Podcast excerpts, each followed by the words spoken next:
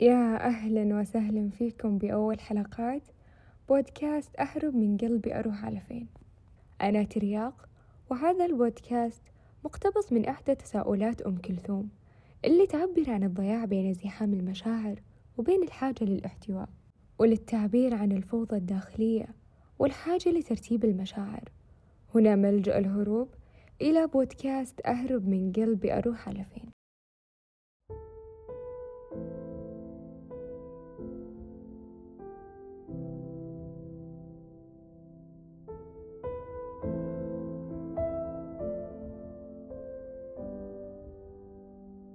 العلاقات جزء كبير من هذه الحياة واستمراريتها مبنية على عوامل أساسية.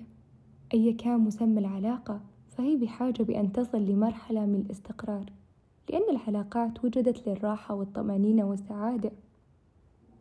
أحيانا وجود شخص في حياتك تهرب له وتلجأ له بنهاية يومك الشاق يحسسك بالراحة ومعنى الأمان. موقف بسيط أو ابتسامة صادقة أو حتى كلمة طيبة من أحد الأشخاص ممكن تساعدك وتحارب فيها بقية يومك. ممكن كلمة حنونة من شخص عزيز بوقت زعلك كفيلة بإنهاء أي خلاف بينكم. كل هذه التفاصيل البسيطة تساعدنا وتترك بداخلنا أثر كبير. العلاقات يا أما تكون سبب من أسباب سعادتك أو سبب من أسباب تعاستك ومن أحد الأسباب في فساد العلاقات هو الصمت وانعدام الحوار.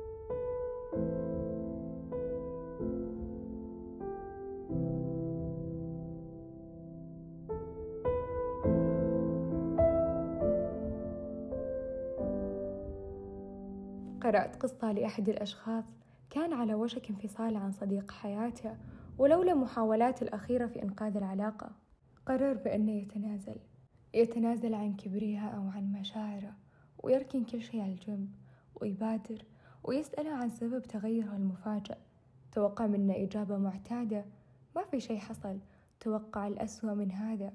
إني يقابله برد بارد يخليه يندم ويلوم نفسه. توقع الخذلان.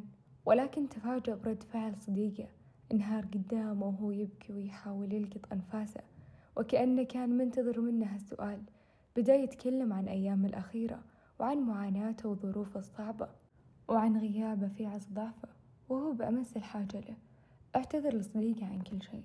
والآن أفكر لو ما تنازل عن كبريائه وأعتبر نفسه بأنه صح في كل شيء وكان الكبرياء سيد الموقف وش كان ممكن يصير؟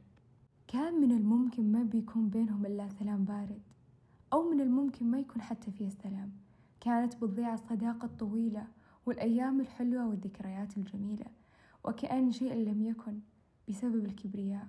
كان كل شيء على وشك الانتهاء ولولا السؤال فكل ما كانت العلاقة مبنية على الحوار والوضوح كل ما قلت النقاط العمياء في العلاقة وكانت ناجحة.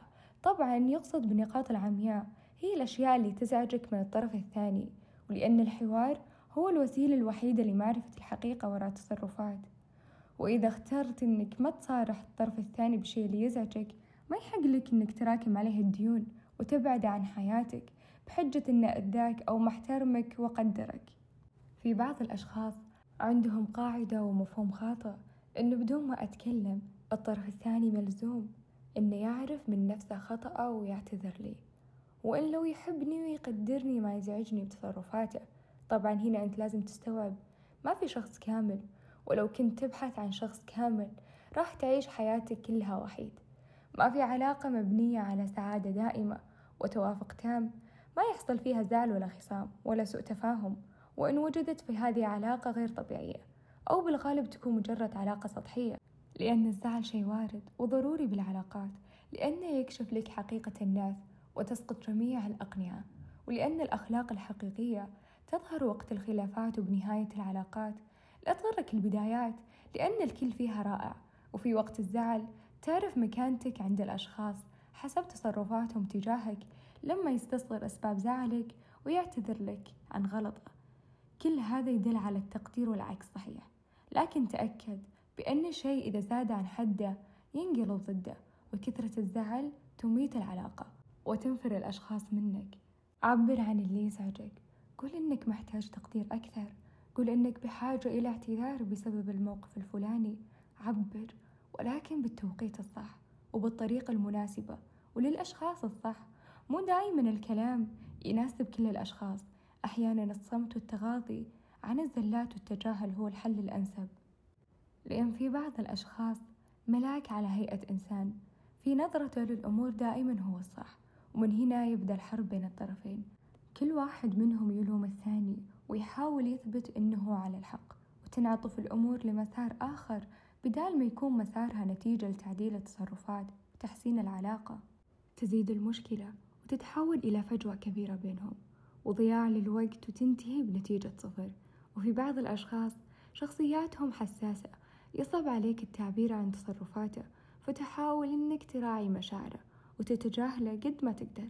وفي بعض الأشخاص شخصيته متعبة غير واضحة تتعب وأنت تحاول تفك شفراته يقتلك بغموضه ويحيرك في فهم تصرفاته. وإذا سألته يراوغك بالكلام وكلماته دائما تكون مبطنة. في أشخاص الكلام معهم ضياع للوقت والحل الوحيد هو التجاهل والتغاضي. وقبل ما تعبر عن شيء اللي يزعجك احرص على أنك تكون فاهم شخصية الطرف الثاني واسأل نفسك أنت مين بالنسبة له. هل بيكون فارق مع زعلك أو لا؟ ممكن تكون من أولوياته ممكن تكون آخر القائمة أو أحيانا ما تكون أصلا بالقائمة. وأخيرا أعرف متى تتجاهل. ومتى تتغاضى ومتى تعبر عن الشيء اللي يضايقك. أرجوك لا تكون غامض لا تترك خلفك تساؤلات لا تحير أحد بسبب تصرفاتك الغير واضحة وتطلب بأنه يحس فيك بدون ما تقول له وتأكد بأن الناس تستثقل التخمين وتكره كثرة الاحتمالات وما تتحمل كمية التساؤلات من غير إجابات. وفي النهاية شكرا لكم على حسن استماعكم. إذا عجبك البودكاست لا تنسى تدعمنا باشتراك وتنشر هذه الحلقة وتشاركنا رأيك عبر حساباتنا في تويتر تحت بالوصف.